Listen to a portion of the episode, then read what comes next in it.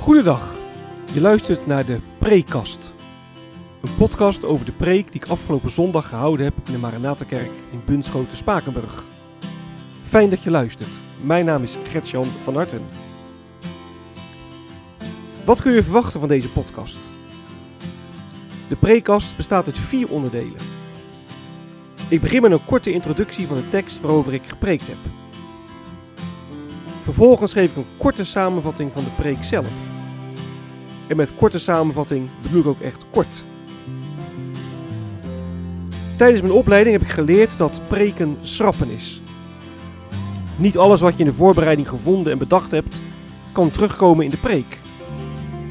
Wat heb ik laten liggen wat het overdenken wellicht waard is? Daar wil ik het over hebben in het derde deel van de preekkast. En tenslotte sluit de preekkast af met een aantal verwerkingsvragen. Vragen die je kunnen helpen om de preek te overdenken en of toe te passen. Ik wens je veel luisterplezier.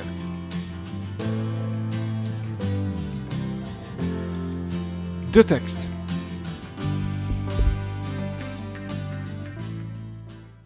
De tekst van de preek was eh, Spreuken 21 vers 13. Wie zijn oren sluit voor het gejammer van de armen, zal ooit zelf om hulp schreeuwen en geen antwoord krijgen. En we hebben gelezen Spreuken 21 vers 13 tot en met 26. Dat zijn allemaal eh, ja, min of meer losse spreuken. Een aantal van die spreuken zijn in de preek ook direct of indirect uh, teruggekomen. En dat is vers 15. Er staat: De rechtvaardige vindt er vreugde in recht te doen. Voor de boosdoener is het recht een verschrikking. En vers 17: Wie altijd maar feest viert, zal gebrek lijden. Wie van wijn en verfijnd voedsel houdt, wordt nooit rijk. En ook de laatste, het laatste spreuk die gelezen is, vers 26, die komt indirect ook terug in de preek. En daar staat: Velen willen al maar meer bezit, maar de rechtvaardige geeft met gulle hand. De preek.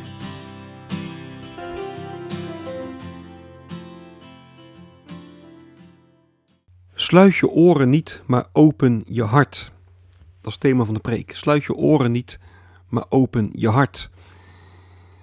En de tekst die waarschuwt ons ervoor om niet Oost-Indisch doof te zijn voor het gejammer van iemand die hulp nodig heeft. voor het gejammer van de arme stater. En zo kun je het inderdaad vertalen, maar je kunt ook vertalen met voor het gejammer van de geringe. Voor het gejammer van de, degene die hulp nodig heeft. Het is breder dan alleen maar ja, mensen die te weinig geld hebben. Het gaat ook om mensen die, die vluchteling zijn, die verslaafd zijn. Of mensen die, die ziek zijn. Het gaat om mensen die het zonder hulp niet redden. Nou, wij kunnen wel eens geneigd zijn om ons oor voor hun noodkreten te sluiten. En daar kunnen we ook echt allerlei redenen voor hebben. Hè? We kunnen toch niet alle nood oplossen, zeggen we dan. Hè, bovendien maken sommige mensen zo'n puinhoop van hun leven. Dat ze als het ware vragen om problemen. Het klinkt een beetje hard, maar ja, eigen schuld, dikke pult, eigen schuld, dikke bult, denken we dan. Of ja, wie niet horen wil, die, die moet maar voelen. Die mensen die, die zijn niet te helpen, zeggen we dan tegen onszelf. En inderdaad, de Bijbel ontkent ook zeker niet dat mensen dat zichzelf te wijten kunnen hebben. Let wel, kunnen hebben. Als ze in de problemen zitten. Dat is niet altijd zo, maar het kan wel. Hè, spreuken 21 vers 17. Even de spreuk die we gelezen hebben. Die zegt wie altijd maar feest viert, die zal gebrek lijden. En wie van wijn en verfijnd, en verfijnd voedsel houdt, die wordt nooit rijk. En toch zegt de tekst: wie zijn oren sluit voor het gejammer van de armen, zal ooit zelf om hulp schreeuwen en geen antwoord krijgen. En de tekst laat in het midden of degene die, die in nood verkeert, dat nou zichzelf te wijten heeft of niet. Nou, wij kunnen dus allerlei redenen bedenken om mensen niet te helpen. Maar is de diepste reden dat wij Oost-Indisch doof zijn niet egoïsme? dat we eigenlijk niet willen helpen omdat het ons iets kost. tijd of, of geld. En we hebben al zo weinig tijd. En het is allemaal al zo druk. En we hebben ook het geld voor onszelf nodig, want het leven is al duur zat. En we willen allemaal leuke dingen kunnen doen. Daar hebben ook hard voor gewerkt. laat iedereen maar gewoon zijn eigen boontjes doppen, denken we dan. En hoe ja, verklaarbaar dat ook is, hoe, logisch dat misschien ook klinkt, dat is niet de weg die de Heer wijst. wij mensen, we zijn geschapen om ja, in gemeenschap met elkaar te leven. Om elkaar te helpen, om, ja, om elkaar heen te staan. En ik denk dat we dat besef voor een deel wel kwijtgeraakt zijn in onze hyper-individualistische samenleving. En dat werkt dan door in hoe we aankijken tegen mensen in nood. Nou, neem wat dat betreft alleen maar de vluchtelingenproblematiek. En wij kunnen al die vluchtelingen zomaar als een bedreiging voor onze welvaart zien. En dan denken we, ja, die welvaart die willen we niet opgeven. Die welvaart willen we voor onszelf houden. Terwijl wij onze welvaart helemaal niet voor onszelf hebben gekregen. We hebben ook allemaal geen recht op. We hebben het gekregen om mensen te helpen. al het geld dat we hebben, al onze welvaart, mogen we namens God uh, gebruiken, namens God beheren. We zijn ja, rentmeesters, om dat woord maar een keer te gebruiken. Dus als je oor sluit voor het gejammer van mensen in nood, dan leef je in strijd met, met Gods bedoeling. Nou, de tekst zegt: Als jij niet luistert naar het gejammer van de armen, dan zullen ze ook niet naar jou luisteren als jij in nood verkeert. En denk niet dat je nooit in zo'n situatie zult geraken. Je kunt wel denken: ik heb alles goed op orde, ik werk hard, ik heb mijn zaakjes uh, uh, prima geregeld. Maar de huidige energiecrisis laat zien dat ook huishoudens met een normaal inkomen ja, zomaar in grote financiële problemen kunnen raken. Ja, vandaag kun je het goed hebben, maar misschien kun je volgende maand wel je rekening niet betalen. Dat kan zomaar. Nou, luisterende mensen in nood. de Bijbel laat zien dat Jezus ons daarin is voorgegaan. Jezus ontfermde zich over mensen die tussen wal en schip vielen. En mensen die hulp bij hem zochten, die wees hij nooit af. En Jezus had zijn naaste volmaakt lief. Jezus toch mensen op. Nou, als wij Jezus willen volgen, dan kan het toch niet bestaan dat wij onze schouders ophalen voor mensen die, die niet rond kunnen komen. En dan kan, het ons niet, dan kan het ons ook niet koud laten dat, dat vluchtelingen buiten moeten slapen. En dan schrijven we verslaven toch niet af. wie Jezus volgt, ja, die wil steeds meer ja, aan zijn beeld gelijk worden. En natuurlijk, wij kunnen niet ja, alle problemen oplossen. En soms ook echt ja, lastig hoe je iemand kunt helpen. Ja, soms kun je een arme beter een, een hengel geven dan, dat je hem vissen geeft. En iemand die verslaafd is, die moet je natuurlijk geen geld geven, want die gaat de drugs verkopen. En hoe de, de vluchtelingenproblematiek ook opgelost moet worden, de, de crisis, ik weet het ook niet. Dat zijn hele ingewikkelde vraagstukken.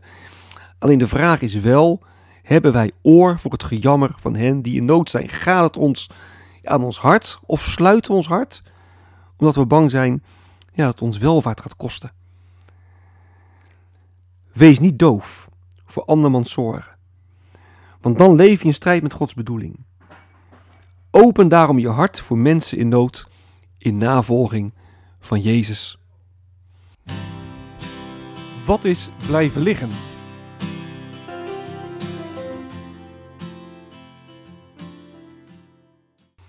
De preek ging over slechts één Bijbelvers. Het was een korte tekst.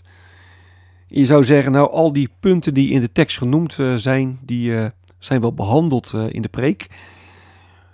Maar toch is dat niet helemaal het geval. Er zijn drie punten die ik nu wil noemen, die in de preek niet aan de orde zijn geweest, of slechts heel kort of zijdelings. De tekst zegt, wie zijn oren sluit voor het gejammer van de armen, zal ooit zelf om hulp schreeuwen en geen antwoord krijgen. Met andere woorden, je moet een, iemand die in nood is, moet je helpen. Omdat je anders, als je zelf in nood bent, geen hulp zult, zult ontvangen. Maar is dat geen hele slechte motivatie? dan ga je een ander helpen uit angst, omdat je anders later eventueel ja, zelf niet geholpen zou, zou worden. En moet je een ander niet helpen, moet je niet bewogen zijn met de ander, ongeacht de vraag of je zelf ooit nog eh, hulp nodig hebt. He, dit raakt ook aan de vraag van, ja, waarom help je een ander? Is dat een soort, soort verzekering voor later? Doe je dan stiekem toch het eigen belang? Of doe je het uit bewogenheid? Nou, het is best boeiend om, uh, om daar eens uh, ja, over door te, door te denken. Waarom help ik een ander nou eigenlijk? Een tweede vraag die ik wil noemen is of het altijd automatisch zo is dat als jij je oren sluit voor het gejammer van de armen, dat je dan zelf ook ooit om, om hulp zult schreeuwen dat is al een beetje wat de tekst lijkt te suggereren. Wie zijn oren sluit voor het gejammer van de armen, zal ooit zelf om hulp schreeuwen. Als jij een ander niet wil helpen, dan zul je zelf ook hulpbehoevend worden. Als een soort, soort straf. Maar goed, er zijn mensen die, die nooit tekort hebben gehad. Die altijd een overvloed hebben geleefd. En die zich niet uh, bekommerden om, om, om andere mensen. Die geen hulp boden. Die ja, echt Oost-Indisch doof waren voor de, de noodkreet van de armen. Maar ze zijn zelf nooit hulphoevend geworden. Of moet je hier in de tekst, hè, als er staat, eh, diegene die zijn oren sluit zal ooit zelf om hulp schreeuwen, moet je dan een, uh, daar een verwijzing naar het eindoordeel in zien. Dat de tekst zegt van denk erom, als jij je oren sluit, dan zul je straks in het eindoordeel hulpbehoevend zijn, maar niet uh, geholpen worden. Of leg je er dan ja, te veel in? En is de spreuk meer algemeen van denk erom, als jij je oren sluit, en jij zult zelf ooit om hulp roepen in plaats van dan zul je zelf ooit om hulp roepen.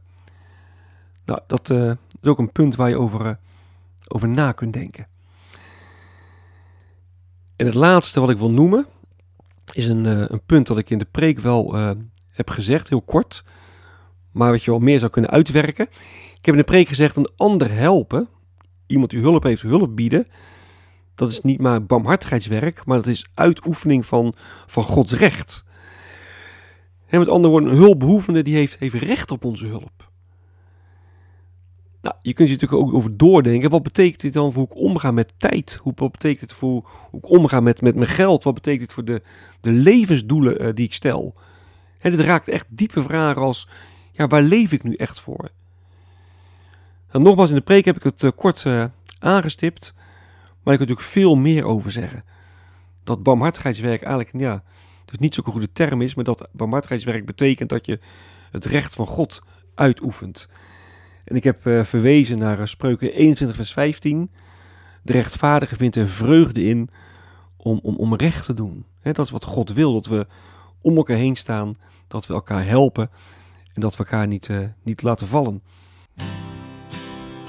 Verwerkingsvragen.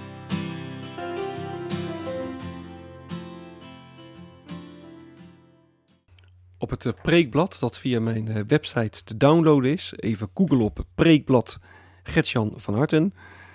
Heb ik ook nu weer een, eh, een paar vragen en een paar stellingen genoteerd. En de eerste vraag is: in hoeverre voel jij je geroepen om mensen in nood te helpen? als jij de, de hulpkreet van een uh, hulpbehoevende hoort, het gejammer van de arm hoort, wat doe je dan? In hoeverre voel jij je geroepen om mensen in nood te helpen? Een tweede vraag is: in hoeverre ben jij bereid om van je welvaart in te leveren voor vluchtelingen? De Bijbel die, die roept ons keer op keer op om, om mild te zijn voor vluchtelingen, om ze te helpen. En in onze maatschappij merk je natuurlijk een hele harde opstelling richting vluchtelingen. Het zijn dan gelukzoekers, zeggen we dan. Ze hebben hier niks te zoeken. Bedreiging met de welvaart. Nou, gaan we als christenen daar niet heel, heel makkelijk in mee? En vandaar de vraag, in hoeverre ben jij nou bereid om van je welvaart in te leveren voor vluchtelingen? Hè? Beseffen wij dat de welvaart, ja, dat dat niet een recht is, maar dat iets gekregen hebben van God om nou ook van uit te delen?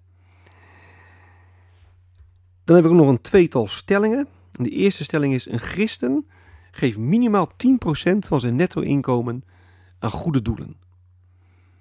Nou, wat vind je van die stelling? Ben je het daarmee eens of het er niet mee eens? En waarom wel of waarom niet? een christen geeft minimaal 10% van zijn netto-inkomen aan goede doelen. En de laatste uh, stelling is: veel mensen in nood die, die zijn gewoon niet te helpen.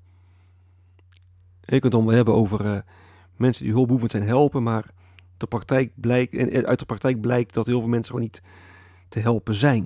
Nou, dat is de stelling. Klopt dat? Veel mensen in nood zijn gewoon niet te helpen. Dit is het einde van de prekast. Mocht je vragen of opmerkingen hebben, dan kun je me mailen op mailadres van hartengretjan.gmail.com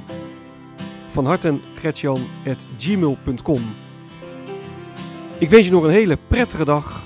Hartelijk dank voor het luisteren. En wie weet tot een volgende keer.